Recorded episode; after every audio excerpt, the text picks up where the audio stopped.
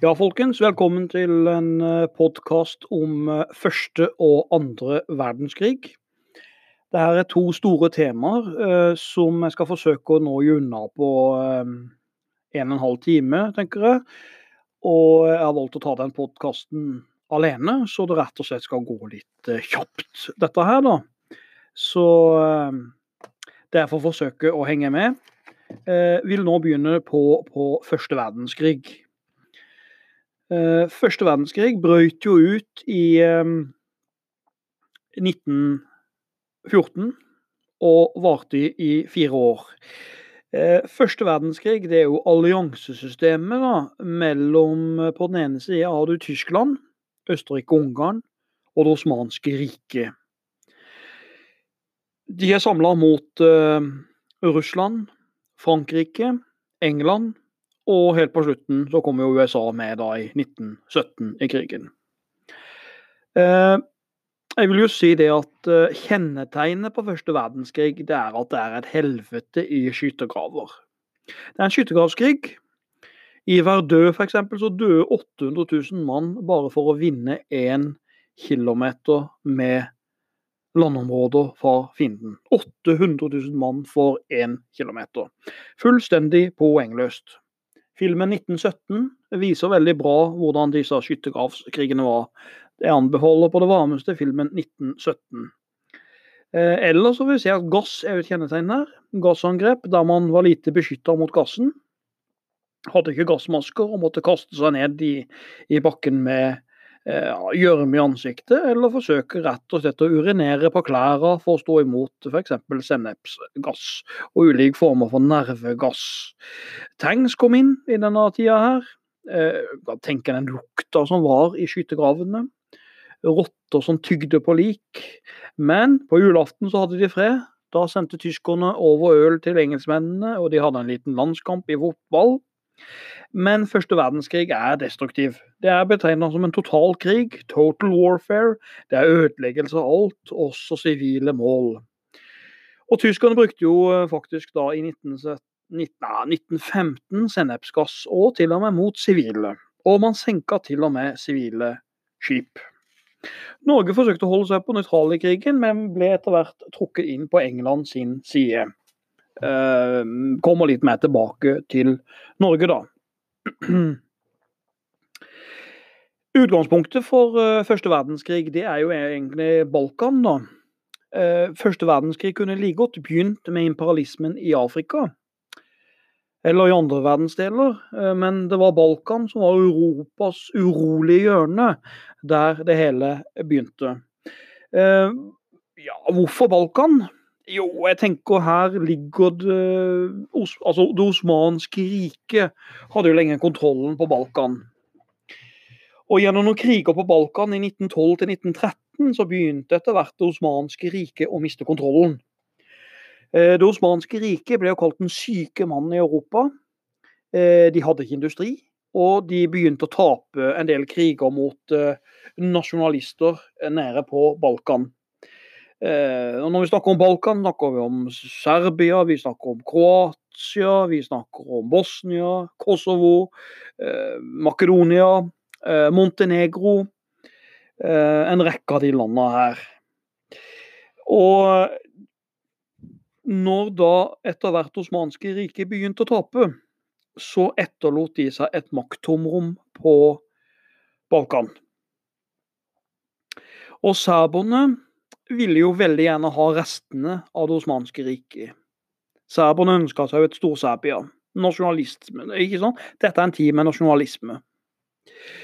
Og det var jo igjen en trussel mot Østerrike-Ungarn, som var et imperium som hadde veldig mange serbere, kroater og slovener i sin stat. Og Mye av konflikten begynte da faktisk når eh, i 1908 for da tok Østerrike og Ungarn kontroll over Bosnia-Hercegovina. Bosnia-Hercegovina er jo et lappeteppe med forskjellige nasjonaliteter. Her var det både serbere, østerrikere og eh, det andre av folkegrupper. Når Østerrike og Ungarn tok kontroll over Bosnia-Hercegovina i 1908, så reagerte da Serbia med raseri. Serbia mente at Bosnia-Hercegovina var et serbisk område. Og Serbia inngikk ja en allianse med Russland. Um, og Russerne så seg selv som beskytterne av sånn gresk-ortodoks tro på Balkan. Og Russerne ville ha tilgang til kyst, og derfor gikk de inn i samarbeid med serberne. Så serberne fikk en stormaktvenn eh, eh, på sin side, eh, ja da imot Østerrike-Ungarn. Eh, så sånn sett begynner første verdenskrig med, to, med rett og slett en konflikt om hvem som skal styre Bosnia-Hercegovina. Og med der russerne kommer inn og støtter serberne. Og på den andre sida så er det jo klart at Østerrike-Ungarn får jo etter hvert støtte faktisk fra Tyskland, som kommer inn og gir støtte til uh, keiseren i Østerrike-Ungarn. Men det her ligger egentlig Det serberne gjør, er at de bedriver stadig terroraksjoner, eller frigjøringaksjoner, som de vil kalle det sjøl, inn mot Bosnias hovedstad eh, Sarajevo. For å eh, sabotere litt for Østerrike-Ungarn, da. Så Østerrike og Ungarn var nok ganske lei av disse serbiske terroraksjonene, og ville nok ha et oppgjør med Serbia. Jeg tror nok de ønska seg en krig mot serberne. Og For å få til den krigen, så sendte de rett og slett inn sin lokkedue. Den gamle, aldrende mannen Frans, keiser Frans Ferdinand ble sendt inn i åpen bil i hovedstaden Sarajevo. Og ganske riktig, 28.6.1914 så skjøt en serbisk nasjonalist den østerrikske tronfølgeren med flere skudd i eh, brystkassa i denne åpne bilen. Før han ble skutt, så hadde de kasta håndgranater mot han. Så jeg kan nok si at han, Frans Ferdinand var bare en lokkedue. Et påskudd for at Østerrike-Ungarn skulle kjøre krig mot Serbia. Og Østerrike-Ungarn, etter drapet på Frans Ferdinand, så ga de med en gang Serbia skylda og truer med krig. Og de kunne dokumentere at Serbia hadde trent terrorister. Og eh, Østerrike-Ungarn får da en overraskende støtte fra Tyskland, som gir en blankofullmakt. Og sier det at vær så god, bare angrip Serbia, dere skal få tysk støtte. Dette er jo keiser Wilhelm 2., som gir en utstrakt hånd til Østerrike-Ungarn. En eh, aggressiv imperialistisk keiser. Og øh, på den andre sida, som jeg sa i stad, Russland går inn og gir sin støtte til Serbia. Så da har du faktisk eh, stormaktene på hver sin side i starten her. Eh, så eh, ballen begynner å trille, eller snøballen blir jo større og større.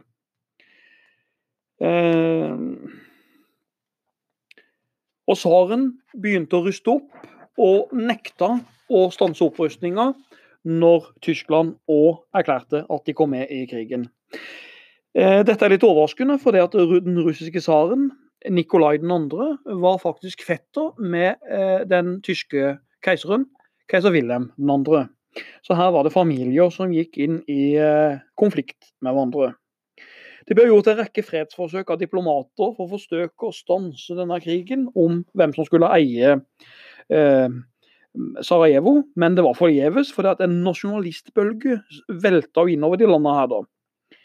Så eh, det var jo så, Man var så gira for krig at de som var krigsmotstandere, de ble omtrent banka opp. F.eks. Englands kommende statsminister, David Lloyd George, en ganske liberal fyr.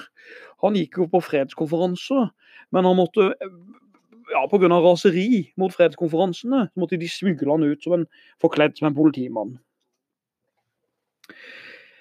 Eh, hvordan ble så krigen utvida, da? Jo, tyskerne måtte jo um, Tyskerne hadde jo et dårlig forhold til Frankrike. Og tyskernes store frykt det var at de skulle få en tofrontskrig med Russland i øst og Frankrike i vest. Altså Det er jo det som er kalt uh, øst- og vestfronten i første verdenskrig. For å unngå en tofrontskrig så kom en general som het Schlieffen opp med følgende plan. Og det var at Frankrike Eh, og vi kan ikke ha både Frankrike og Russland på hver vår side. Vi må slå en av de landene fort ut.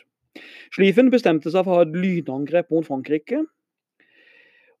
Men problemet da var at angrepet måtte gå gjennom det nøytrale Belgia. Og dermed begynte jo britene å reagere ganske kraftig. Britene, altså, britene garanterte Belgias nøytralitet. Og um, når tyskerne da valgte likevel å gå gjennom Belgia, så erklærte England krig mot Tyskland. Og Østerrike-Ungarn og Det osmanske riket, som var i den alliansen. Så Schlieffen-planen uh, ble sånn sett mislykka, da. For der kommer både Frankrike og England med i konflikten. Og etter hvert uh, skal jo USA òg bli med i første verdenskrig, da. Pga. ubåtskriger. Så sånn ser vi at det her blir eh, Hvordan kan du kalle det en verdenskrig? Det er ikke alle som vil kalle det en verdenskrig, men eh, det vil nok jeg gjøre. For det at for å vinne krigen så, så, ble både asiatiske og afrikanske land eller nettopp ikke land, det var feil å si, men en rekke asiatiske og afrikanske kulturer da, ble lova selvstendighet og egne nasjoner dersom de var med og slåss på riktig side. Og En stor tabbe de gjorde, var at de lova både jøder og palestinere egne stater. Noe som har ført til den berømte konflikten i Midtøsten. i Uh, og uh, man lova kurderne sin egen stat, og det gikk jo veldig hardt utover armenerne og første verdenskrig. Der det var et folkemord, der tyrkerne, det osmanske riket, angrep armenerne og nesten rydda ut befolkningen. Mest kjente armener er vel Kim eh, Kardashian, for de som måtte være interessert i sånne store fuer. Eh, hvis du tar veldig raskt krigsforløpet skal, Dette er ikke de viktigste historier, det viktigste er jo årsak og konsekvenser. Men jeg skal raskt fortelle om krigsforløpet. Veldig raskt. Eh, det som skjer, er jo da, hvis vi tar noen punkter, da. La oss si f.eks. vi deler det inn i en, en, eh, til elleve punkter. Det første som skjer i krigen, det er Østerrike-Ungarn bomber Serbias hovedstad Beograd. Og Det er som hevn for drapet på Frans Ferdinand. De bomber Beograd. Serberne sier ikke stille og ser på dette. her. De går til motangrep og får støtte fra en russisk hær. Styrke som står i nærheten. Og Østerrike-Ungarn, og sånn ser vi ballen vokser, de får støtte fra en tysk hær. Og så utvides krigen enda mer, for tyskerne rykker som jeg sa, fra, altså de rykker fram mot Frankrike, og da må de gå igjennom Belgia. Og tyskerne går gjennom Belgia som en kniv i varmt smør. Eh, de er brutale med belgierne og henretter flere sivile. Og belgierne forsøker jo på en måte å forsvare seg, men tyskerne de svarer med å henrette ti belgiere Ti sivile belgere ble henrettet for hver døde tysk soldat. Eh, og Tyskerne marsjerer gjennom Belgia, og de kommer fire mil unna Paris. Mange franskmenn rømte jo. Fire millioner franskmenn rømte. Frankrike var i kaos. Men likevel så klarer ikke, så klarer ikke tyskerne å innta Frankrike. De blir skyttergraver. Fordi at vi får det berømte slaget ved Man. Tyskerne bør stoppe ved elva Man, for der møter de på en allianse av to millioner briter og franskmenn. Eh, som avskjærer de da, og hindrer de. Og da får vi skyttergravskrigen, stillstanden. Da der møter de f.eks. på mm, den kjente generalen Joffre, hvis jeg uttaler det riktig, Josef Joffre, som når de gikk tom for kuler, så ga han sin tillit til bajonetten. Og ville på en måte skremme fienden med denne spisse bajonetten. Um, men mange, enormt mange mennesker mista livet, men Paris ble jo redda da, med, med, alliansen mellom engelskmenn og franskmenn i, i Maren. Men plutselig så får Tyskland en lite angrep østifra. For Tyskland ble angrepet av Russland. Og da fikk de nettopp den tofoldskrigen general Schlieffen hadde advart mot. Russerne hadde jo fire ganger større hær enn tyskerne, men de tyskerne klarte faktisk å tape. Eh, nei, unnskyld, russerne klarte å tape eh, fordi at de klarte å spre troppene. Og Det er, berømte, det, er det berømte Tannbergslaget. da. Eh, her var det jo da general eh, Hindenburg, som senere skal bli president i, eh, i Tyskland. Så kan du si at det er helten som stoppa russerne, da, så ikke russerne tok over eh, Tyskland. Og så videre så vil jeg si krigen utvide seg til Midtøsten og Afrika. Um, britene, var jo veldig, britene var jo veldig opptatt av å verne oljekildene i Midtøsten. Og som sagt så lova de nasjonalstater til de som hjalp i kampen mot uh, osmanerne og tyskerne og Østerrike og Ungarn. Uh, det neste slaget er jo det at uh, er at Vi får jo det berømte slaget i, i Verdø òg. Og som, kan man si. Tyskland forsøker hele tida å angripe veldig offensive. Ehm, men eh, franskmenn og briter kjemper imot i både Verdø og Somme. Og eh, når man angriper Verdø, så oppretter en engelsk general som heter Douglas Haig, Haig, Douglas Haig en, en, et motangrep i Somme for å avløst, avlaste Verdø, sånn at ikke Verdø skulle kollapse. Så Noen briter gikk opp av skyttergravene og løp mot de tyske maskingeværildene. Eh, så eh, Det gikk som sagt veldig hardt for seg. Men den store tabben tyskerne gjør, det er jo at de klarer å involvere USA i denne krigen. da. For når USA kommer med, eh, så, så, er det jo klart at USA kommer med tre millioner uthvilte soldater i 1917. De kommer i landet Europa og lukter etterbæringsvann og drikker cola. Mens de andre har ligget i skyttergraven og hatt det helt forferdelig. Men eh, hvorfor kommer USA med? Jo, fordi at uh, Tyskland driver og senker amerikanske passasjerskip og handelsskip. Lustania f.eks. Og til slutt så bestemmer president Woodrow Wilson seg for å gå til krig. Woodrow Wilson er egentlig en due, ikke en hauk, hvis vi skal sammenligne det med fugleverden. Hadde, altså Woodrow Wilson hadde opplevd mye vold i borgerkrigen i USA. Men, uh, men han måtte til slutt bare bruke vold for å stoppe ehm, eh, den tyske ekstremismen og den tyske offensive imperialismen til keiser Wilhelm 2.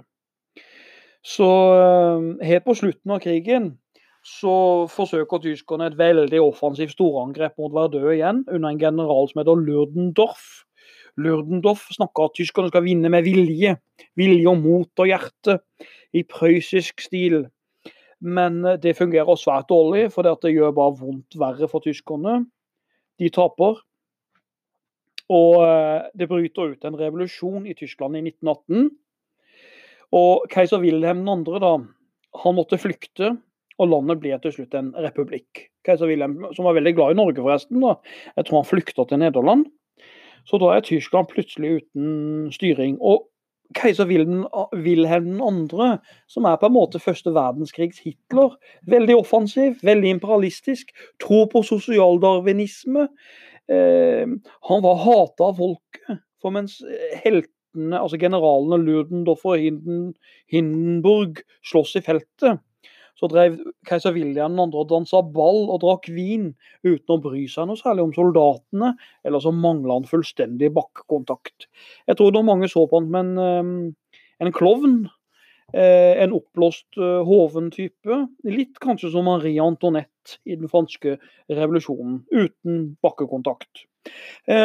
Første verdenskrig avsluttes jo med de berømte forhandlingene i Versailles, i Versailles som går veldig galt. Vi kommer jo selvfølgelig tilbake til det snart. Jau, det viktige tenker jeg, er nå å stille spørsmålet hvorfor skjedde første verdenskrig? Hva er årsakene til det?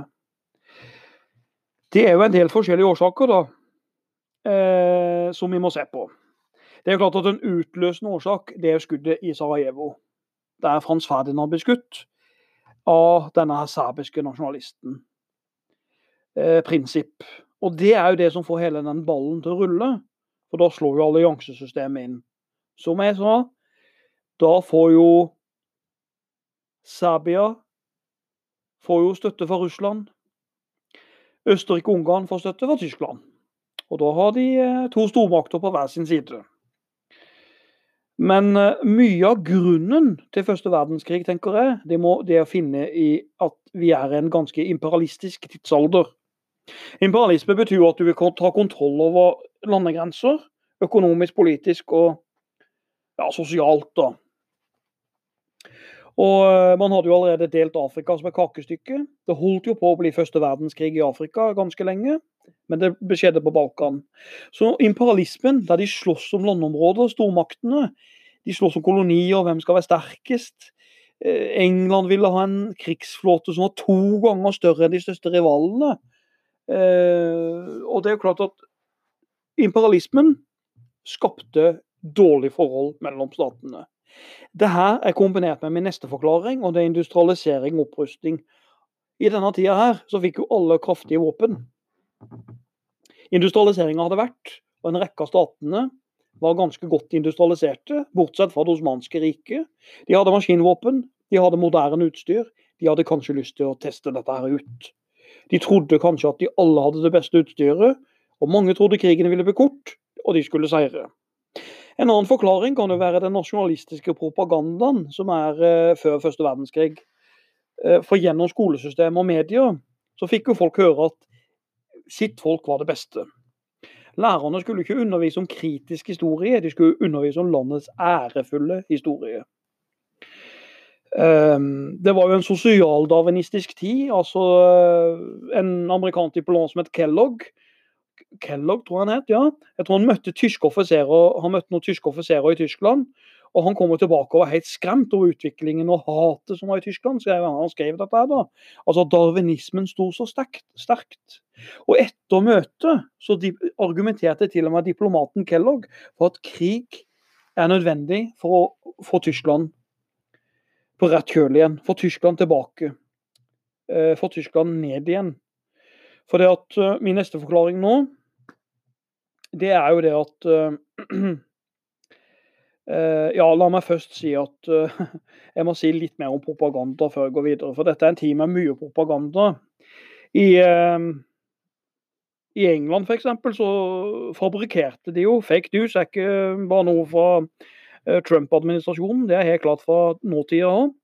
Der lagde de masse propaganda i England som viste hvordan tyskerne uh, henretta mm, engelske sykepleiere fordi at de hadde hjulpet krigsfanger å flykte. Og uh, den tyske propagandaen gjorde jo tilsvarende det òg, da. Så, så, det var ikke bare Lord Kitchener i England har jo et veldig kjent propagandabilde. Man eh, rekrutterte folk på fotballkamper, da. I England så ble jo eh, masse folk rekruttert på fotballkamper, vevekampanjer, vennegjenger på pub. Eh, det var sunt å slåss for sitt fedreland da. Man snakka veldig om fedrelandet. Men jeg syns det er en viktig forklaring òg, det at Tyskland ble jo forferdelig aggressive under keiser Wilhelm 2. Tyskland har ganske mye skyld i første verdenskrig. Ikke all skyld, men de har mye skyld. Og det ligger mye i eh, keiser Wilhelm 2. Keiser Wilhelm 2. han eh, havna jo veldig i eh, uenighet med jernkansleren Otto von Bismarck. Bismarck var jo denne konservative generalen som samla Tyskland gjennom tre kriger. Eh, og så etterpå det så ville han holde seg ganske defensiv. Han ville ha samla Tyskland. Han ville ikke nødvendigvis ha kolonier eller være noen stormakt. Men keiser William var veldig uenig med sin kansler. Og keiser William eh, mente at Tyskland måtte ha en plass i solen. Han kalte det veltpolitikk. Og han mente at vi skal ha en marine som er dobbelt så stor som England. Tyskland skal ut og skinne, Tyskland må ha kolonier og vise muskler. Bismarck var ikke enig i det. Bismarck ville ha et samla Tyskland. Eh, et Tyskland som kunne forhandle, sånn som de gjorde f.eks. i Berlinkonferansen. Til slutt, i 1890, så får faktisk Bismarck, som forresten var hekta på heroin, han får sparken av keiser Wilhelm 2. Og Da er det fritt frem for en veldig offensiv tysk politikk, og det ser vi jo.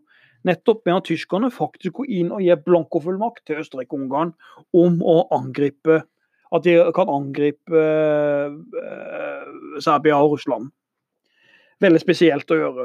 Veldig spesielt å gjøre. Jeg tror en annen forklaring på krigen det er at man mangler demokrati. Første verdenskrig så mangler man demokrati. Første verdenskrig altså, det blir jo ofte kalt generalenes krig. og Det skyldes rett og slett at veldig, eh, altså en del av statene er ikke demokratiske. Uh, Tsaren i Russland var jo veldig udemokratisk, og han nekta å ruste ned. Han ville bare lytte til militære rådgivere.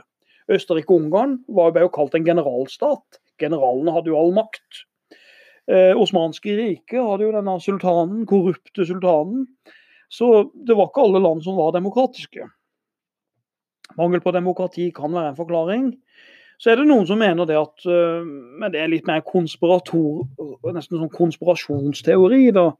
Men det kan muligens være noe i den. Men at man ønsker krig for å dekke over innenrikspolitiske problemer. Uh, I denne tida på uh, både slutten av 1800-tallet og begynnelsen av 1900-tallet så er man veldig redd for arbeideropprør. Man er redd for kommunismen. Uh, og da kan man bruke krig for å dekke over innenrikspolitiske problemer og fattigdom. Så noen historikere vil jo si at Tyskland gikk til krig for å dekke over innenrikspolitiske problemer. Så, så, er det jo klart at mye av dette her, av grumset mellom nasjonene, det ligger jo i gammelt hat. F.eks. den gangen Tyskland vant Alsace-Lorraine fra Frankrike da, i 1870-71. Så franskmennene ønska hevn mot tyskerne. Det er ikke noe tvil om. Og England vil jo hele tida passe på å beholde koloniene sine og passe på at ingen blir for sterke i Europa. De skulle være den sterkeste. Og Så vil jeg si en viktig forklaring. Det er jo om makttomrom. Teorien om makttomrom. For det at eh, en del av statene her, de eh, benytta sjansen når det osmanske riket forfalt og kollapsa. Det osmanske riket var jo som jeg sa den syke mannen i Europa. Og når de kollapsa, så begynte veldig mange andre land å slåss om restene til det her osmanske riket. Det er jo nesten som et arveoppgjør, da. Eh, der en gammel, rik tante dør, så er det noe å slåss om. Da kan det bli store, store konflikter. For å oppsummere årsakene veldig kort, så har jeg altså nå snakka om uh, årsaker til, til, første verdenskrig. Da har jeg sagt uh, skuddet i Sarajevo som utløsende. Jeg har sagt imperialismen. Jeg har sagt industrialiseringa. Jeg har sagt nasjonalistisk propaganda og sosialdarwinisme. Jeg har nevnt Tysklands aggressivitet under keiser Wilhelm 2. Jeg har nevnt mangel på demokrati. Øh, jeg har nevnt krig for å dekke over innenrikspolitiske problemer. Jeg har nevnt alliansesystemet da, som, som, ligger her, og dette her med makttomrom. At det var et makttomrom. Hvis vi trekker en historisk parallell, da, hvis vi prøver på det, så er det helt likt som kald krig. Kald krig oppsto mye fordi at det var makttomrom. Hvem skal styre Tyskland, hvem skal styre Polen etter andre verdenskrig? Og vi har sett det samme med IS i mer moderne tid. Når det har vært noe makttomrom i eh, Midtøsten og deler av Nord-Afrika, så har IS fulgt dette her, dessverre. Um, ja, vi må nå se litt videre på uh, slutten av første verdenskrig. Og da må vi inn på den uh, berykta freden i uh, Versailles. I 1919, da, Versailles-freden, 1919 så møtes jo seiersherrene til fredskonferanse i Versailles. De viktige personene i, i, den konferansen, det er jo da skal vi se, særlig tre personer. Det er Woodrow Wilson, USAs president. David Lloyd George, som er statsminister i England, og George Clemenceau, som er eh, president i Frankrike. De tre der er ikke enige hva de skal gjøre med Tyskland. Jeg sier med en gang et hovedproblem her er det at i Versailles-freden så får Tyskland all skyld. Tyskland må skrive under på at de har all skyld for krigen. Omtrent med en pistol på tinningen. Og eh, de føler det urettferdig. Tyskerne får et hevnmotiv etter dette her. Og eh, jeg tror begrepet 'seiersherren skriver historien' er veldig dekkende for å forklare det som, eh, som skjer her. Det er nok ganske dekkende, ja. Så um, For uh, Hvis vi ser nå på uh, Vi kan jo egentlig se først på George Clemenceau, Frankrikes president. Han ønska enkelt og greit hevn. Han ville ha hevn. Og han mente du skulle da eh, omtrent legge Tyskland i ruiner. Eh, for Frankrike var jo ødelagt, og han ville ta igjen. Så eh, han ville gå brutalt frem og viste lite nåde mot noen mild fredsavtale med tyskerne. Og ville gi de store krigsskadeerstatninger. Og eh, det var jo egentlig dette her som skjedde da, i eh, første verdenskrig. Ja, Clemenceau ville gå hardt frem. Men eh, statsministeren i England, David Lloyd George, han, eh, han inntok nok et litt sånn mellomståsted. Han var jo, Før krigen så var han jo med i en pasifistisk bevegelse. Ville stoppe det. Eh, han var jo veldig redd for at hvis man var for hard med Tyskland, så kunne Tyskland bli dratt inn i en veldig brutal nasjonalisme. Kanskje til og med sosialisme eller kommunisme, hvis de ble straffa for hardt. Så eh, Lloyd George var en liberal type, ville kanskje unngå for mye. For mye her eh, men, men, til slutt så skulle jo han bli gjenvalgt. da.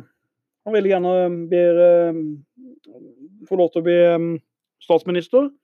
Og for å vinne valgkampen så innførte han en slagordet eh, 'Heng keiseren, la Tyskland blø'.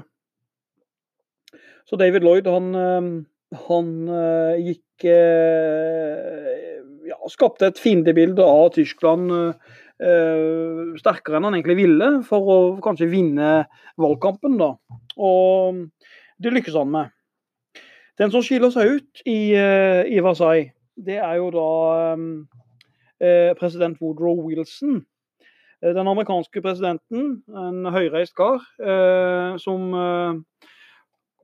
ganske idealistisk type, da, kommer til Versailles og har, har med seg 14 punkter. 14 punkter som han vil gjerne ha gjennom. Der han, noen av punktene er jo f.eks. at man skal ha en friere verdenshandel. Man skal ha, respektere andre nasjoners landegrenser. Folk skal ha frihet. Det skal være fri ferdsel på havet. Så han ville ha en eh, bedre verden, og ikke minst ville han ha på plass et folkeforbund for å forebygge krig. Det vil jo senere bli til FN. Så alt det Woodrow Wilson kommer med her, er jo forut for, altså langt forut for sin tid. Um, hans 14 punkter i Versailles eh, blir jo egentlig bare latterliggjort. Eh, for det er hevnmotivet som vinner gjennom ikke forsoningslinja, for å si det pent. Han eh, godeste Clemenceau, Frankrikes president, sier jo det at uh, hvem er det Mr. Wilson tror han er? Her kommer han med sine uh, 14 punkter. Selv Gud og Moses klarte seg med 10 punkter. Så tyskerne måtte jo da til slutt motta denne fredsavtalen, og de ble jo sjokkerte, da. Fordi at de ble jo fullstendig nedkjørt og måtte skrive under på at de hadde all skyld, og det var sosialdemokratene som måtte gjøre.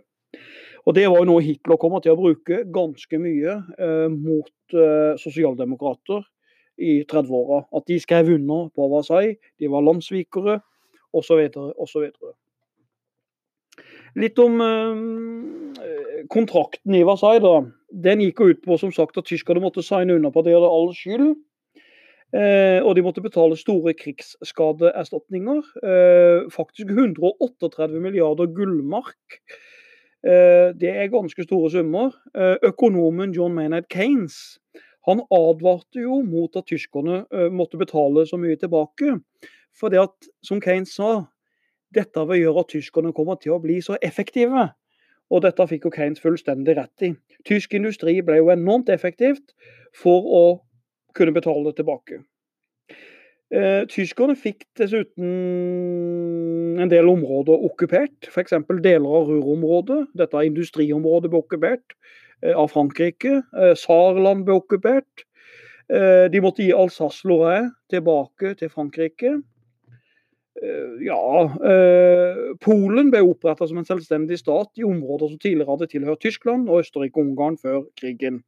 Og Østerrike-Ungarn og Det osmanske riket kollapsa som imperier og gikk opp til å bli enkelte stater. Ehm, Danmark fikk vel tilbake Jylland. Eh, Tyskland fikk heller ikke lov til å ha noe angrepshær, og iallfall ikke flyvåpen. Så eh, jeg vil jo si at, eh, at ydmykelsen var veldig stor da. De som ble veldig misfornøyde i Versailles, de var jo kinesere, kurdere og armenere. som alle ble lova sine egne stater, og fikk ikke det, da. Jeg vil jo kanskje si at den store seiersherren var jo i første verdenskrig ble jo USA. For de kom jo ut med små tap. Og etter krigen så endte jo faktisk Europa opp i å skylde USA penger. Og mens amerikansk, altså europeisk industri var jo enten gjort om til krigsindustri, eller bomba i stykker, så hadde amerikanerne etter hvert utvikla forbruksindustri. Og USA vil jo bli en storeksportør av både radio, støvsugere, kjøleskap, ja, klær Altså alle ulike gjenstander til Europa, da. Så USA begynner etter hvert å bli en stormakt etter første verdenskrig. Så, men de får jo oppretta Folkeforbundet, da. Men til Woodrow Wilsons store fortvilelse så ville ikke senatet i USA delta mer i europeiske konflikter. Senatet i USA for langt å trekke seg tilbake. De ville ikke bruke penger på å slåss i Europa den gangen. Så valgte også forresten Tyskland og Russland å trekke seg ut av Folkeforbundet. Så det er klart at Folkeforbundet ble en tannløs papirtiger, da. Og det vil vi senere se i i, når Benito Mussolini, da, fascisten i Italia, kupper makta, så angriper han Etiopia. Og da er det ingenting Folkeforbundet kan gjøre for å stoppe han.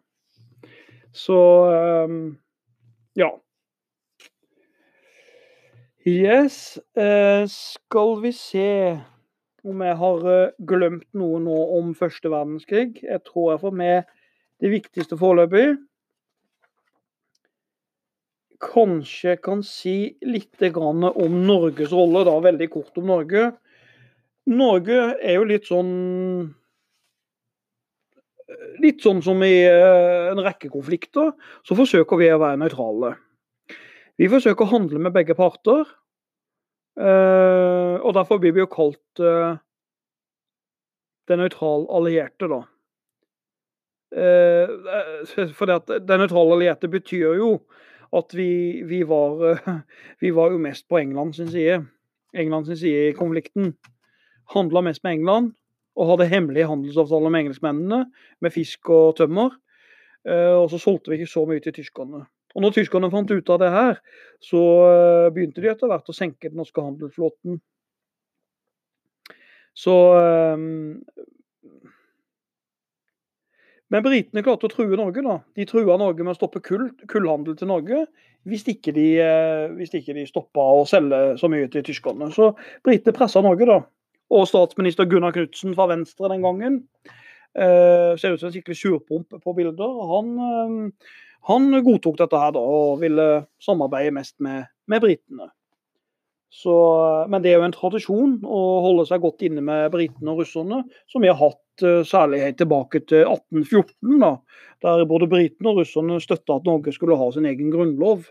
Og i 1905 så backa de vel opp godt under norsk eh, selvstendighet òg, både britene og russerne. Så vi har gjerne vært litt på den sida. Eh, kort kommentar om Russland, det glemte jeg å si. Russland trekker seg ut på slutten av Altså i, i 1917 så skjer det jo en ting i Russland. Og det at Russland ble jo da Eh, det ble en revolusjon i Russland i 1917. Tsaren går av. Eller tsaren blir eh, Det blir revolusjon mot tsaren, den eneveldige tsaren. Og inn kommer kommunismen og Lenin. Og Lenins budskap er fred, jord og brød. Og fred, det betyr at Lenin vil trekke Russland ut av første verdenskrig, og det gjør han. Lenin trekker Russland ut av første verdenskrig, for han ser første verdenskrig som en imperialistisk krigføring, og vil ikke være med i den konflikten. Og Russerne har jo da tapt ganske mye i første verdenskrig òg, for de mangler jo en del utstyr, de har ikke så mye industri. De får de første under Stalin. Så russerne backer unna og blir ganske upopulære i Vesten. da. Så noen ser faktisk det når russerne trekker seg ut av første verdenskrig med Lenin, eh, som en start på en kald krig. da et eh, fiendevold mellom eh, vest og øst. Eh, ja. Og da tror jeg vi har kommet godt igjennom første verdenskrig. Da tenker jeg at jeg vil kjøre offensivt på. Og så skal vi da se på hovedtrekka i andre verdenskrig. Uh, andre verdenskrig er jo den blodigste krigen i verdenshistorien. Den krevde jo 62 millioner menneskeliv. Andre verdenskrig går jo ifra ja, Man kan være litt uenig om årstallet, da, men enten noen vil si 37 eller 39 til 45. Det spørs hvordan man regner. Om man regner at den begynte i Asia, eller om man regner med at den begynte i Europa. Eh, under andre verdenskrig så er det jo eh, så er det jo på en måte aksemaktene, Tyskland, Italia og Japan, eh, mot de allierte, da, som er USA, Sovjet og Storbritannia. Jeg vil bare kort kommentere, for jeg syns nesten de alliansene er litt morsomme. For det at Tyskland er jo et eh, nazistisk et, en nazistisk stat som er opptatt av den ariske rase. Hitler ble jo lovlig valgt i uh, eh, 1933 som kansler for å stoppe kommunismen. Uh, og det rare her er jo egentlig at Hitler blir alliert med Italia. et fascistisk styrt land under Benito Mussolini. og Japan, som er Asias imperialister. Eh, men jeg vil jo si at Italia og Japan er jo ikke noe, eh, noe stater der man er spesielt ariske, da. Hvis Hitler tenkte å samarbeide med dem pga. rase. Hitler kalte jo faktisk japanerne for halvaper, men eh, han syntes de var modige i krig og ville gjerne ha et samarbeid med dem. Eh, den andre sida av alliansen, altså de allierte, USA og Sovjet, er jo det litt artig allianse. For der er det jo veldig knirkende samarbeid. USA er jo en stat som altså USA er liberalistiske, øh, kapitalistiske og konservative. Sovjetunionen er basert på planøkonomi, kommunisme. Det er jo helt forskjellig. England, Storbritannia på sin side, var et, et imperium som bygde sin storhet på kolonier. Noe som var høyest problematisk faktisk for USA. For USA har jo tidligere vært en eh, koloni under England. Så eh, Roosevelt og Churchill og Stalin, de tre lederne her, de hadde en del uenigheter, selvfølgelig. Så eh, Men vi kommer til årsaker, men mye av årsaken til andre, til andre verdenskrig er at det er økonomiske kriser som knekte veldig mye av optimismen fra 20-åra. Og Folkeforbundet fungerer ikke i det hele tatt. Og eh, du har en ideologisk strid mellom eh, kommunisme, med Stalin etter hvert, mot Hitlers nazismen. Eh, hvis jeg tar nå veldig eh, Jeg tar veldig kort, eh, for her kunne vi snakka lenge, hendelsesforløpet i andre verdenskrig så, og deler det inn i noen punkter som jeg gjorde i første nå, veldig kort og fort. Så vil jeg jo si at uh, andre verdenskrig den begynner i Asia. For, la meg si den begynner når Japan angriper Nord-Kina. da. For Japan på 1800-tallet så ble jo faktisk, var det en gammeldags keiserstat. Men plutselig så ble de omdanna til en moderne, imperialistisk, gigantisk stormakt som ble på jakt etter eh, råvarer. da. Uh, og Japan de erobra jo mesteparten av Nord-Kina i uh, 37, 1937. Og det var jo en brutalitet som verden sjelden har sett magen til da, når japanerne angrep. De gikk brutalt frem. Og det kalles vel massakren i Nanjing. Der man både henrettet altså hygde huer av folk og massevoldtekter og påførte kineserne sykdommer og osv. osv. Så um, japanerne gikk hardt frem. Og Tyskland, hvis vi går nå til Tyskland, da. Krigen, altså Tyskland spiser mer litt og litt av landområdene rundt seg. Eh, Tyskland ble jo egentlig ikke stoppa ganske lenge. De ble ikke stoppa fordi at mange følte nok sympati for Adolf Hitler. Eh, han, eh, en del syntes nok at Versailles-kontrakten hadde vært urettferdig mot Hitler og lot han få holde i fred og ruste opp litt og ta over landområder. Eh, de lot han å gå litt for langt. Men eh, det var ikke lang tid for at Østerrike skulle bli en del av Tyskland. Hitlers strategi det var at han sendte inn folk fra nazipartiet til å skape uro internt i Østerrike. Og så sendte han etter hvert inn tyske soldater for å gjenopprette ro og orden. Nesten litt sånn som den romerske keiser gjorde. da. Litt sånn splitt og hersk for å ta over landområder og beholde makt. Og Hitler fikk jo da faktisk eh, en del av Tsjekkoslovakia òg. I eh, Sudetland, heter det, der bodde vel tre millioner, ca. 3 millioner tyskere. Hitler mente at dette hadde Tyskland rett til å ha, og gjennom München-avtalen så fikk Hitler dette området av Frankrike og Storbritannia. Og, men det tsjekkerne visste lite om, det var at plutselig så tok Hitler hele landet. Dette kan jo minne litt om, eh, om eh, Putin og, og, Putin og hans oppførsel i forhold til Ukraina. Ja, altså, eller Krim-Ukraina. Krim-Ukraina så bodde jo over 60% russere, og da mente Putin at det da skulle tilhøre Russland. Hitler gjør det samme med Tsjekkoslovakia. Han tar områder der det eh, majoriteten er tyskere. Litt morsomt, da. Da kunne jo Norge tatt Gran Canaria, f.eks. Gran Canaria er vel flest nordmenn som spiser dårlig spansk eh, mat. Uh, spansk biff er håpløst, bare så til kommentar. Uh, Neste kanskje viktige hendelse det er at Tyskland inngår en avtale med Sovjetunionen i andre verdenskrig. Det blir kalt ikke-angrepspakten. Og Det overraska mange, for det at uh, Stalin og Hitler inngikk en avtale om ikke å angripe hverandre. De to fiendene øh, utsatte nok begge angrepet mot hverandre, men de ble enige om følgende den ikke-angrepspakten. De skulle på en måte da dele Polen mellom seg. Og så skulle Sovjet få lov til å beholde Estland, Latvia, Litauen Og store deler av Romania, da. Oljekilden i Romania var viktig for, eh, for eh, russerne. Stalin fikk jo en del teknisk utstyr fra Tyskland. Mens Hitler fikk jo råvarer og olje tilbake fra Sovjetunionen. Så denne ikke-angrepspakten den ga jo begge diktatorene tid eh, til å angripe andre, før de etter hvert skulle gå mot hverandre. da. Eh, for det er jo ingen tvil, hvis du ser Hitlers Mein Kampf, så er jo da russerne og kommunismen, altså slaverne, eh, en stor, stor fiende på linje med jødene. Og du ser i kommunistpartiet òg, så er jo f.eks. kommunistiske lederen Leonid Trotskij hadde jo jødisk og kommunistisk bakgrunn, begge deler. Det var en dårlig kombinasjon. Eh, så skal vi gå til neste punkt i andre verdenskrig. Tyskland angrep på Polen i 1939. I 1939 så angrep Hitler Polen. Uh, og Hitler hadde ikke noe særlig tro på at vestmaktene ville forsvare polsk nøytralitet. Men der tok han faktisk feil, for da erklærte England og Frankrike krig mot Tyskland. Men tyskerne de angriper Polen ved hjelp av blitskrig. Blitskrig er jo en overraskende og veldig hurtig krigføring da, som, tyskerne, som tyskerne kjørte. da der de angrep med, med tanks, og kombinert med flyangrep.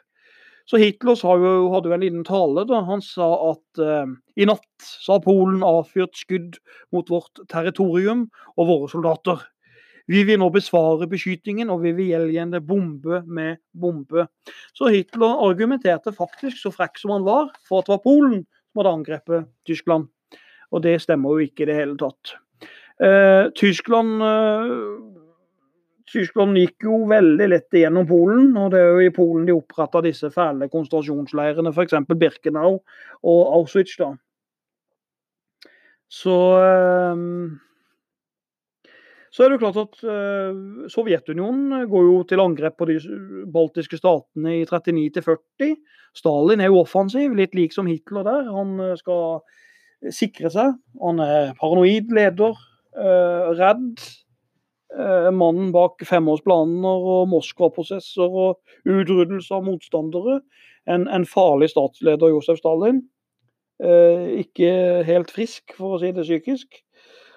Um, Norge ble jo angrepet, faktisk. I 19, 1940, ja. Så ble jo Norge angrepet, og det er I Tyskland var man dritlei av den norske såkalte nøytralitetspolitikken. Så så var det jo den her berømte Altmark-saken, da. Der, man, eh, der et, eh, et britisk skip presterte å jage et tysk skip som het Altmark inn i Jøssingfjorden i Rogaland. Det er vel ved Egersund, tror jeg. Og på det skipet der så ble jo sju tyskere drept. For britene beordra altså de, de skipet, og så frigjorde de 300 eh, krigsfanger. Og Problemet her var at Norge skulle være nøytrale. Man skulle ikke drive krigføring i nøytrale farvann. Og Norge slo ikke ned på britene sin eh, angrep på det tyske skipet Altmark. Og Det betyr at da så mange i Tyskland at Norge hadde ikke nøytralitetspolitikk. De var mer positive til, til, England. Igjen som i første verdenskrig. Så Hitler hadde jo egentlig bestemt seg for å angripe Norge, han. For det er klart at Norge var viktig for å ha tilgang til grensa til Sovjetunionen. Og det er klart det er ganske nærme med flåtebaser til England. I tillegg hadde jo den norske fascisten Vidkun Quisling han hadde besøkt Hitler og argumentert uh, til Hitler for at man trengte en allianse, en norsk-tysk allianse mot kommunister. For Quisling mente jo at Arbeiderpartiet besto av kommunister. Norge ble jo et veldig enkelt mål for tyskerne, for uh, Norge hadde jo bygd ned Forsvaret da.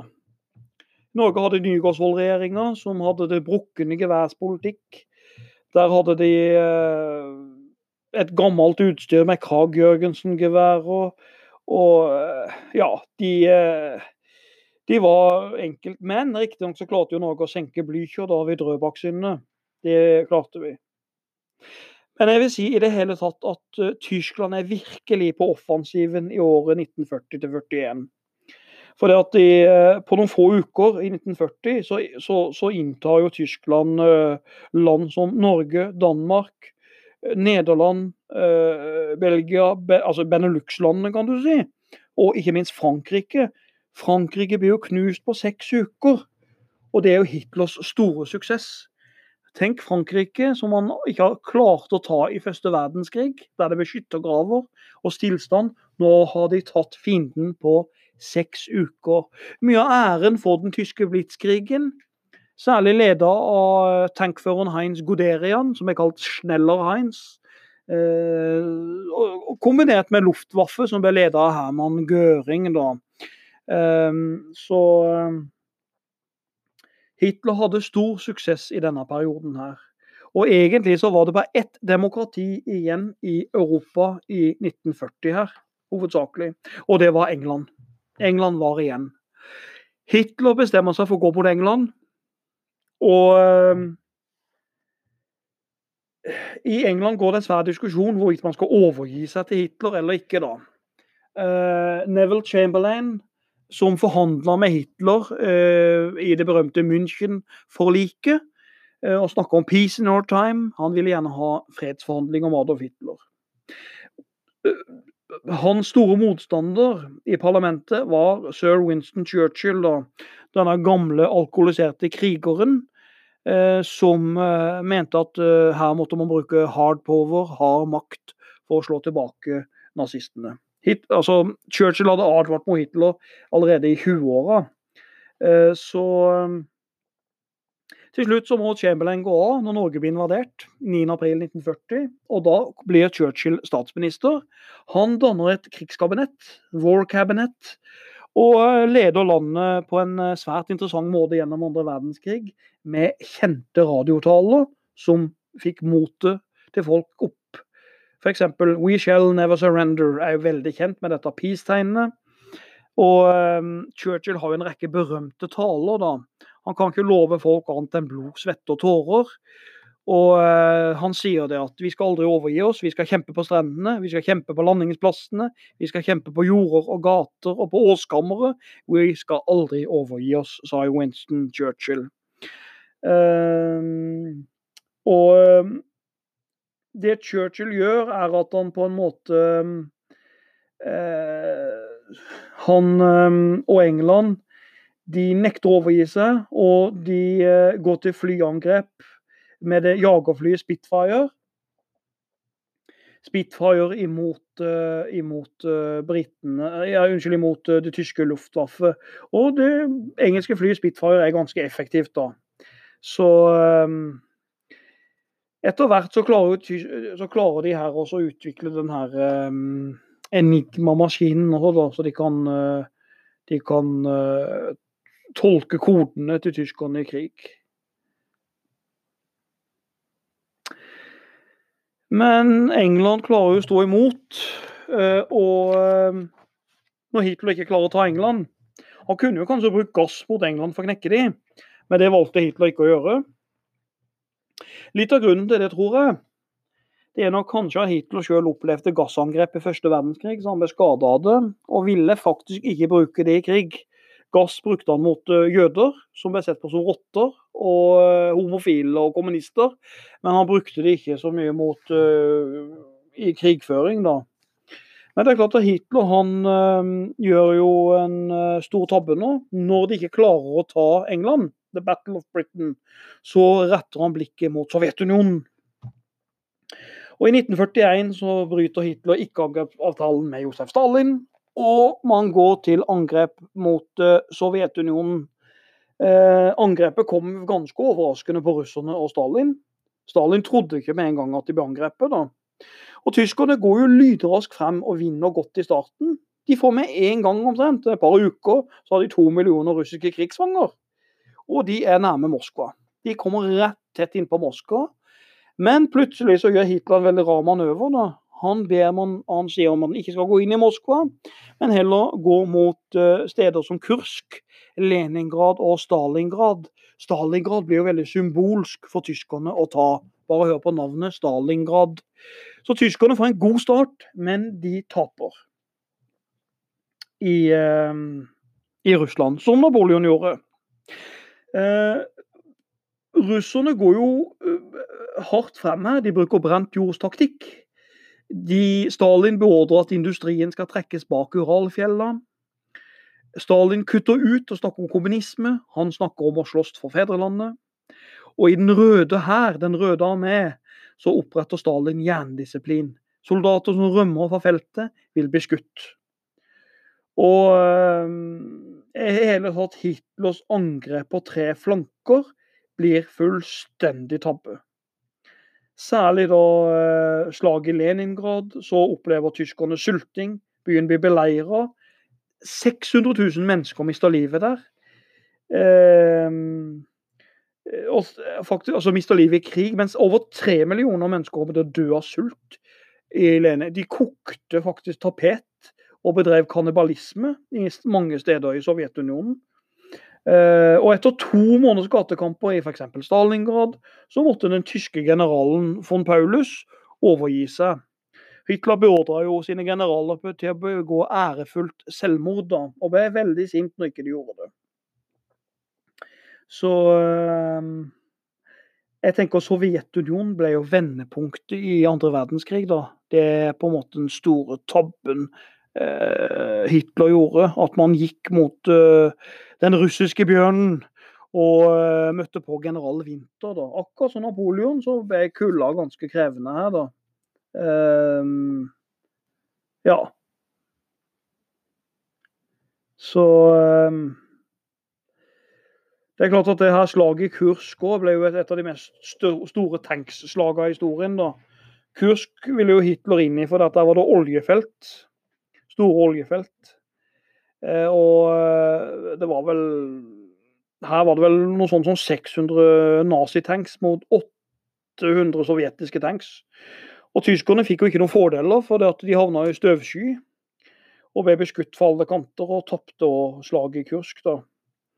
Så eh, så tenker jeg det at vi får da De allierte får jo overtaket fra 1942 av. Etter hvert så begynner Hitler å rote seg inn i og slåss i, i, i ikke Asia nødvendigvis, men i, i Afrika, med oljekilder der. Og jeg tenker kanskje det mest sentrale, da, der man uh, dummer seg ut, det er jo igjen at de involverer USA i krigen. da, For det at i 1941 så blir jo Pearl Harbor angrepet. Japanerne angriper flåtebasen Pearl Harbor. Eh, det sies at britene visste om angrepet, men de holdt kjeft med å varsle amerikanerne, for de ville gjerne ha USA med på laget.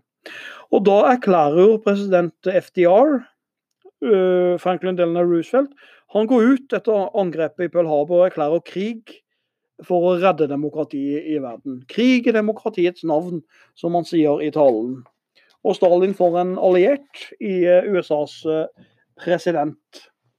i andre, i andre verdenskrig. Og jeg kunne sagt mye annet nå, men jeg tror rett og slett jeg hopper til D-dagen. D-dagen som er det neste store her, altså. Det er det. D-dagen. D-dagen, da vil jeg si det at uh, tyskerne blir lurt og ganske villeda. De allierte uh, ville jo ha et uh, stort fremstøt mot det svake punktet i, i det tyske kalde okkupasjonsstyret, og det er festningsverket i Normandie. Ja, det blir vel når man tenker vestkysten, og, vestkysten av Frankrike. Og um, Tyskerne ble jo lurt til å tro at en general som het Patten, og en amerikansk general som heter Patten, skulle angripe over den engelske kanalen eller via ned fra Italia, Sicilia opp. Så en del nazister fulgte jo etter Patten, da. Men så kom overraskelsen, og det var 6.6.1944. Da angrep de allierte en stor uh, 160 000 mann Eh, briter, amerikanere, nordmenn, canadiere, australiere. Eh, de angrep da ifra, eh, ifra, ifra, ifra en rekke steder i England, kysten av England, over til, til Normandie. operasjonen ble faktisk starta i dårlig vær, og det overraska tyskerne. Det hadde de aldri trodd. Det kom i dårlig drittvær. Det var et triks av general Eisenhower, da som eh, foreslo det. Og eh, det ble jo et eh, blodbad i når disse 160 000 folka inntok strendene i Normandie. Jeg syns det er veldig bra beskrevet den filmen 'Saving Private Ryan' med, Tom Hanks, som viser problemet de allierte fikk da de gikk inn. For det er klart at tanksen begynte å synke i sanden og satt fast. Så folk jo, gikk jo rett inn i kjøttkverna der. Men de klarte å seire. De slo seg gjennom, uh, gjennom uh, Frankrike etter hvert. Vest-Frankrike og innover. Så samtidig mens man klarer det, så begynner jo russerne da å angripe fra øst. Så uh, Hitler blir jo pressa fra to kanter, da. Så det er full fart mot Berlin med, med den sovjetiske generalen Sjukov heter han vel. Han har flere medaljer på uniformen enn han har en russer hadde menn, nesten. Han var helt uh, vill og full av medaljer. Så uh, det var nå kamp. Hvem kommer først inn til Berlin? Det var det store, store krigen mellom de allierte. Russerne kommer først inn. Sovjetiske tropper. Og de voldtar og plundrer langs sin vei. Hitler begår selvmord i bunkeren sammen med sin propagandaminister Josef Goebbels. Og eh, man heiser da det sovjetiske flagg på den tyske riksdagsbygningen. Et veldig berømt eh, bilde, som noen mener bare er propaganda, men det er vi ikke helt sikre på. Men så er det jo litt sånn at eh, ja, ja, dette så greit ut, nå var krigen ferdig. Men Japan Japan har ikke overgitt seg. Tyskland eh, backer unna, eh, kollapser. Men Japan vil ikke overgi seg. I USA har de fått en ny president etter at eh, FDR døde av hjerneslag. Og den nye presidenten Harry Truman får en veldig vanskelig avgjørelse. Hva skal han gjøre med det her eh, nye uh, Ja, altså ikke nye, men Japan som ikke vil gi seg, da. Truman har jo noen valg. Han kan jo kjøre en uh, type D-dag-invasjon av Japan. Um, de, de, vil han ikke, for det vil koste veldig mange amerikanske menneskeliv. Han uh, avstår fra den løsninga. Det vil bli et blodbad. Uh, dessuten er jo Stalin, på, Stalin, og hans tropper var jo på full vei mot Japan, de òg. tror nok det Stalin var litt, eh, Truman var litt redd for at Stalin og russerne skulle ta kontroll over Japan før amerikanerne. Så kanskje derfor, da, pluss det å spare liv, så valgte Harry Truman å slippe to atomvåpen over Hiroshima og Nagasaki. I den episoden døde 200 000 mennesker. Truman syntes det var forferdelig vanskelig avgjørelse å ta. Og han sa måtte Gud tilgi meg, sa han.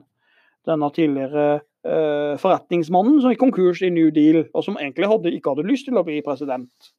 Måtte altså slippe to atomvåpen over Hiroshima og Nagasaki. Til slutt så overga japanerne seg, da. Eh, men den satt langt inne for dem. Og eh, det vil jeg si er hovedtrekka i, eh, i andre verdenskrig, da. Sånn Men jeg tror vi nå skal ta og se litt på Jeg må bare ha en slurk kaffe for halsen, det er bra. Mye prating. Jeg tror vi nå må se på hvorfor skjedde andre verdenskrig. Hva er årsakene? Uh, først og fremst så vil jeg nok uh, med en gang kunne si at uh, en viktig årsak til at andre verdenskrig begynte, det er selve situasjonen i mellomkrigstida. Perioden ja, 1919 til 1937, da, om du vil. For det, at, det begynte jo bra i 20-åra med The Roaring Twenties, økonomisk vekst. Ting så positivt ut. Men så kom jo det her eh, krakket på New York-børsen da, i 1929. Og I krakket på New York-børsen da kunne ikke USA låne ut penger til Tyskland lenger, eller resten av verden. Verdenshandelen sank dramatisk. Det ble økonomisk krise, og det ble en politisk ustabilitet, ustabilitet eh, som åpna opp for at folk skreik etter en sterk mann, en sterk fører, da, til å rydde opp i alt dette her rotet. Så eh, Økonomisk krise var ganske viktig, og det kan vi se ved valget i Tyskland nå. Hitlers naziparti, NSDAP, hadde nesten ingen oppslutning før 1929. Så etter 1929 så begynner de å krype opp mot 30 prosentpoeng i oppslutning. Og det er nok til at Hitler klarer å bli kansler. Faktisk lovlig valgt.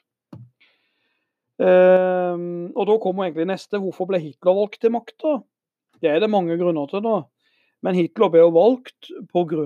misnøye mot Versailles-freden, som er en viktig forklaring. Man gikk for hardt fram mot tyskerne i Versailles. Hevnmotiv. Men òg at man i denne tida, de må vi ikke glemme, man hadde en sterk frykt for kommunismen. Kommunismen er en ideologi som en del frykta i 20- eh, og 30-, for så vidt 40-åra, ja ja, helt opp til kald krig. For kommunismen er jo en revolusjonær ideologi som vil ha eh, fullstendig likhet, klasseløst samfunn. Og de som eier eiendommer og har mye penger, eller har kapital, eier noen gårder, de må gi disse fra seg til staten. Og gjør de ikke det, så kan de risikere henrettelse. Eh, vi ser jo Stalin hvordan han gikk frem med f.eks. rike bønder som ble kalt kulakker. Eh, det var jo ganske brutalt. De ble enten henrettet eller selv til gulager, såkalte arbeidsleirer. da.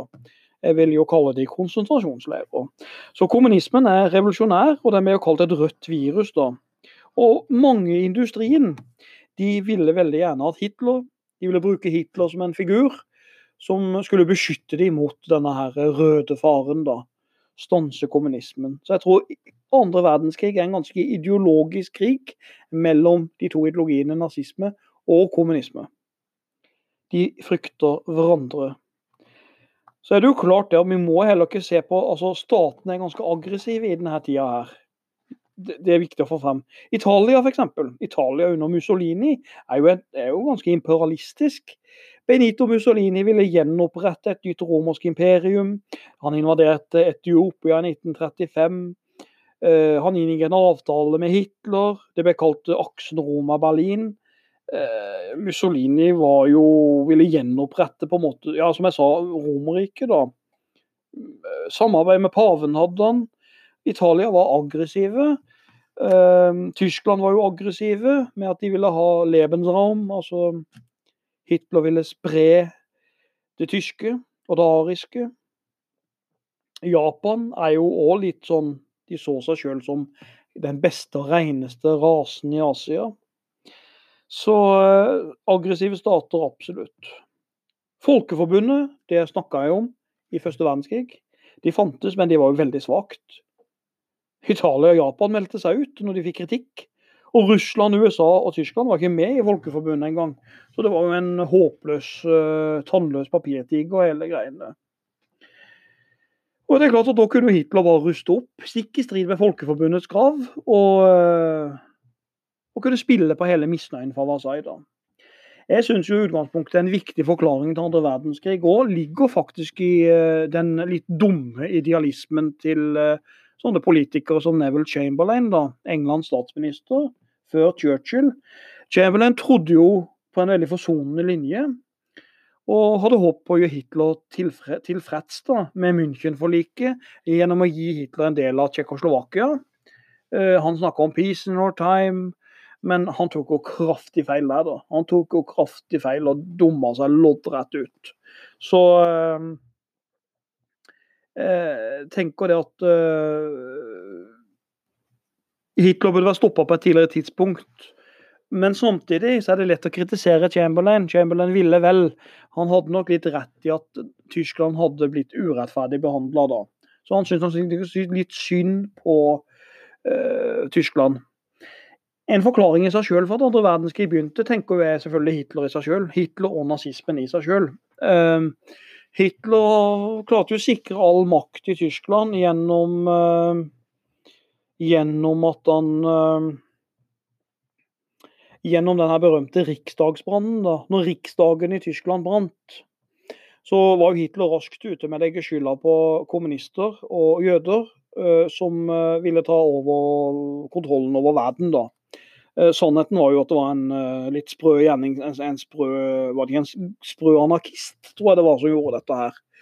Så Hitler la fort skylda på jøder og kommunister som fienden.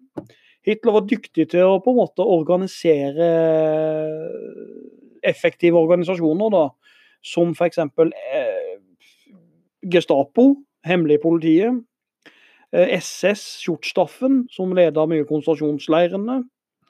Disse fæle nazistene med dødningshode i, eh, i uniformen. Eh, og SA, da, Sturmabteilung, som, som eh, er starten, da, med etter hvert blir de spilt utover sidelinja. Så Hitler er jo en dyktig taler. Han er en uh, dyktig provokatør. Han uh, spiller på misnøyen i befolkninga, men skremmer nok en del òg, da, tenker jeg. Uh, ja, da har jeg altså nå, bare for å oppsummere årsakene til, til andre verdenskrig, sånn som jeg ser det. Det er um, situasjonen i, i mellomkrigstida med økonomisk krise. Eh, du har en ideologisk krig mellom nazismen og kommunismen. Du har aggressive stater. Italia, Japan, Tyskland. Du har et svakt folkeforbund. Du har Hitler som spiller på Versailles-freden. Misnøyen her. Du har den dumme eller naive idealismen til Neville Chamberlain. Og du har egentlig Hitlers rolle i seg sjøl, som en ganske dyktig folketaler og en eh, manipulator. Som Hitlers propagandaminister Josef eh, Goebbels eh, sa en gang. Husk, folk liker én ting, og det er folk liker å bli lurt, var det det Goebbels sa. Men eh, sånn sett så kan du jo se først, andre verdenskrig som en videreføring av den første.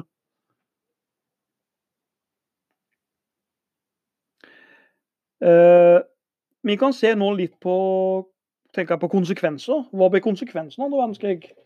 For det er klart Du får noen konsekvenser av andre verdenskrig som uh, spiller en rolle helt inntil, uh, inntil vår tid. Og um, da tenker jeg med en gang på konsekvens nummer én er holocaust. Holocaust betyr brennoffer. da. Det er vel et begrep som kom i 70-åra. Og det er klart at Hat mot jøder det var grunntanken i den her nazistiske ideologien. Uh, og det var mulig, mente Hitler, for at ingen husker hva som skjedde med disse armenerne. Så det var ikke farlig å gå etter jødene, da. Så eh, jøder ble jo sendt i disse utryddelsesleirene. Mest kjente av Auschwitz, Birkenau, Treblinka, Sobidor osv. Eh, og man hadde forskjellige fargekoder da, for fangene. F.eks. var du rød, fikk du rød farge på deg, så var du da politisk fange. Grønn var du forbryter. Lilla var du Jehovas vitner. Rosa var homofil. Brun var sigøyner. Svart var udyktig eller funksjonshemma. Da. Og jødestjernen hadde jo disse trekantene, to trekantene. Eh, det er klart at I, i konsentrasjonsleiren så ble gull i tennene tatt ut. Viktige eiendeler ble tatt ifra dem. De fikk eh, disse fjerna individualitet og fikk eh, eh, en strekkode, et nummer på armen. Eh, Det fortelles jo noen tyskere som lo eh, når de sendte folk inn i gasskammeret. Uh, musikk ble spilt for å overdøve hyling og skriking. Og eh, Rudolf Høss, som var leder i, i Auschwitz, han mente jo at det var jøder, altså det var rotter man drepte, ikke mennesker. Så eh, de som overlevde, var jo de som hadde en egenskap som nazistene kunne bruke. F.eks. at de kunne sy klær. De var kanskje gullsmeder, skomakere. De kunne utnyttes til å skape noe mer eh, overskudd økonomisk. Mellom fire og seks millioner jøder døde eh, som følge av andre verdenskrig og konsentrasjonsleirer. Kanskje mest kjent er jo da eh, når det gjelder eksperimentene til Josef Mengele. da, Denne nazilegen som eh, kunne virke ganske hyggelig og ga barn sjokolade og allting, men så var han egentlig djevelen sjøl, da. Som drev med sprøyter og kirurgkniver uten bedøvelse og osv. Dessverre så ble han aldri tatt uh, av disse nazijegerne, men han, uh, han, døde til slutt i, var det i Brasil eller Chile under en svømmetur. Men ved å jakte ned den kjente nazijegeren Simon Weisendal, da, som brukte lang, lang tid. Når det gjelder holocaust, så tror jeg nesten vi må nevne Wannsee-konferansen, som i 1942 ble ledet av Heinrich Himmler. Himmler var jo leder av SS. Eh, eh, toppnazisten Himmler, eh, sammen med han godeste Adolf Eichmann. Og endelig løsningen betyr et ord at da skal de rydde ut jødene, da. Så, eh, så, er det jo klart det er litt uenighet hvorvidt den endelige løsningen var planlagt for Hitler, eller om det var faktisk bare noe disse byråkratene tok seg til. da. Så det er litt sånn uenighet om, eh, om uh, hvor radikal Hitler var da i sine utryddelsesplaner, eller om det var SS som opererte mest på egen hånd. Uh, bra er det uansett ikke. Men uh, videre så er det en del organisasjoner som ble oppretta etter uh, andre verdenskrig. F.eks. sånne som FN og EU. De ble oppretta for å hindre nye kriger, da. For å si det veldig enkelt. Så ja, så tenker jeg Menneskerettighetserklæringen kom jo i 1948. Som forteller at alle mennesker er født frie og like, der man henter tilbake opplysningsfilosofien. da. Det ble jo ikke stående veldig sterkt. Eh, for det at eh, i 1948 så ville jo selvfølgelig ikke Stalin skrive under på at mennesker skal ha frihet. Eh, og USA ville ikke skrive under på at folk skulle ha minstelønn eller sosiale rettigheter. Ei heller likestilling. Det var vanskelig for sørstatene. Så det er klart at En rekke land var jo diktaturer, Saudi-Arabia, Kina osv. Så, videre, så menneskerettighetene ble mer anbefalende i 48 enn forpliktende. Nesten litt sånn som i dag. En annen konsekvens det er jo at de gamle stormaktene ble svekka andre verdenskrig. England og Frankrike de lå nærme brukka rygg. Særlig Suez-krisen. Skal ikke snakke så mye om Suez-krisa nå, men Suez-krisa var en flau greie for Frankrike og England også. Um, koloniene begynte å søke selvstendighet. Da. Og Ghana får sin frihet i 45. Eh, Libya stikker seg frie fra Frankrike. Eh, ikke minst India forlater eh, England. Og da sies det jo at Winston Churchill begynte å grine. da. Så man, de får selvstendighet, disse koloniene. En ny ting som skjer, er at USA og Sovjetunionen tar over rollen som verdens ledende supermakter. Vi får et såkalt bipolart uh, verdenssystem. Uh, der USA på den ene sida, uh, med liberalisme og konservativisme, mot Sovjets Eh, skal vi si, kommunisme begynner å dele verden i to. Og Det er jo det som begynner å bli kalt kald krig. da. Det ligger det ute en annen podkast om. Eh, en annen konsekvens er at vi får et rettsoppgjør etter andre verdenskrig. Det såkalte Nürnberg-dommen. Nürnberg-dommene. Nürnberg-dommen er interessant, for der blir nazistene dømt for forbrytelser mot altså mot menneskeheten. Eh, det er klart at det var veldig uenighet om dommene. Russerne ville jo bare sette en kule i hodet på dem. Det var jo Stalins tanke. Men uh, både Truman og uh, Churchill ønska at man skulle ha en dom etter et rettsstatsprinsipp. Nazistene fikk lov til advokater, og de ble dømt med videobevis og bildebevis og vitner. Så igjen så er det litt problemet at det er seiersherren som skriver historien, da. For at ingen av de allierte ble dømt for noen krigsforbrytelser. Eh, noen syns det var urettferdig at ingen dømte f.eks. Um, den fæle bombinga britene gjorde i byen Dresden. Som det er skrevet en bok som heter 'Slakterhus'. Er det Oi, 'Slakterhus' Ja Slaughterhouse 84, eller et eller annet sånt. Dresden var ikke akkurat en by med veldig mye sånn militærindustri, men britene bomba den på slutten av krigen som hevn. De bomba så mye at de tømte byen for oksygen. Så her døde mye sivile. Og russerne, når de gikk inn mot Berlin, så voldtok de og ødela og herja både barn og kvinner langs sin vei. Fryktelige bilder som, som jeg har sett av det. Og var det virkelig amerikanerne som slipper brannbomber og napalm ned mot japanerne eh, i krigen? Så ja. Det var en del ting som ble gjort med Man brukte også sult mot, mot uh, tyskerne. Så Men uansett da, så var det godt å få dømt disse nazistene. De fleste ble dømt til døden gjennom henging. De ønska å bli skutt, men noen slapp unna. da. Herman Göring og Heinrich Himmler klarte å ta selvmord. En av de få som kom ut av det her, det var Hitlers rustningsminister, arkitekt Albert Speer. Han fikk kun 30 år i fengsel, for han eh, beklaga, så han hadde gjort en feil. Og eh, innrømte det at han hadde faktisk også planlagt å ta livet av Adolf, eh, Adolf Hitler. Ja, en ja, skal vi si en, en, en, annen konsekvens er jo rett og slett staten Israel, da. Pga. holocaust og dette her jødedrapet, så blir jo, eh, så blir jo staten eh, Israel oppretta, da. Som en kompensasjon eller trøst for jødene. President Harry Truman i USA han gikk jo så langt å si at hvis ikke jødene får sin egen delstat, så vil han begå selvmord. For det var så viktig nå. For de hadde hatt så mye lidelser gjennom historien. Og nå hadde det toppa seg her.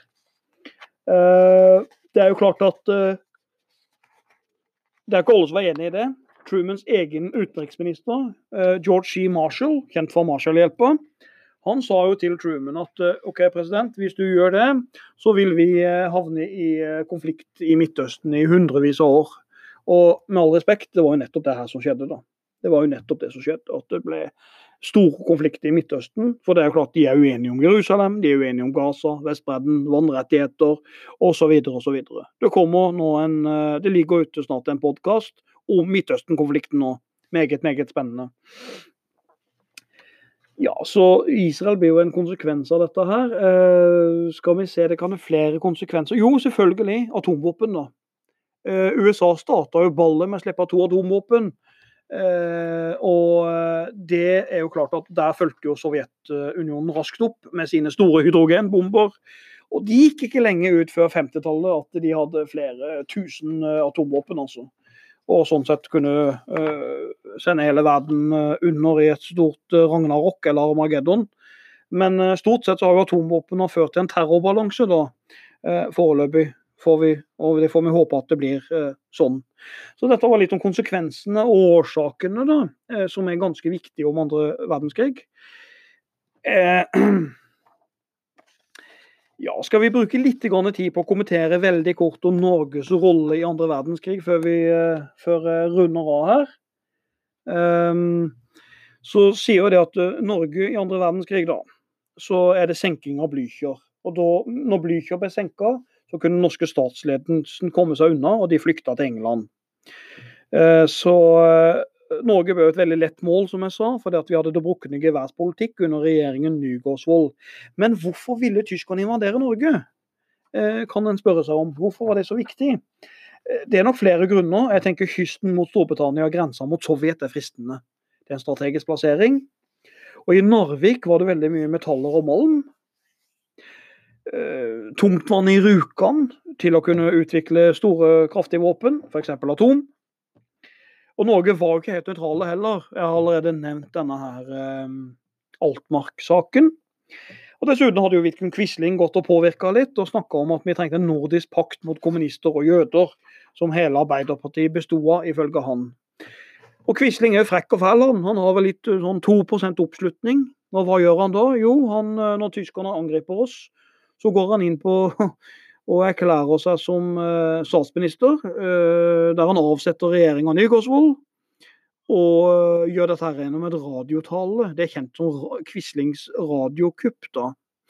Men uh, Quisling er jo en uh, tullebukk. Han går altfor hardt frem uh, mot uh, nordmennene, kan du si.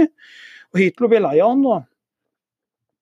Så Hitler for sender jo, altså Lærere blir jo sendt opp i arbeidsleirer i Kirkenes. og kirke, ja, Det samme skjer jo med Kirkens menn nå. så Hitler tar og sender Josef Terboven til Norge da.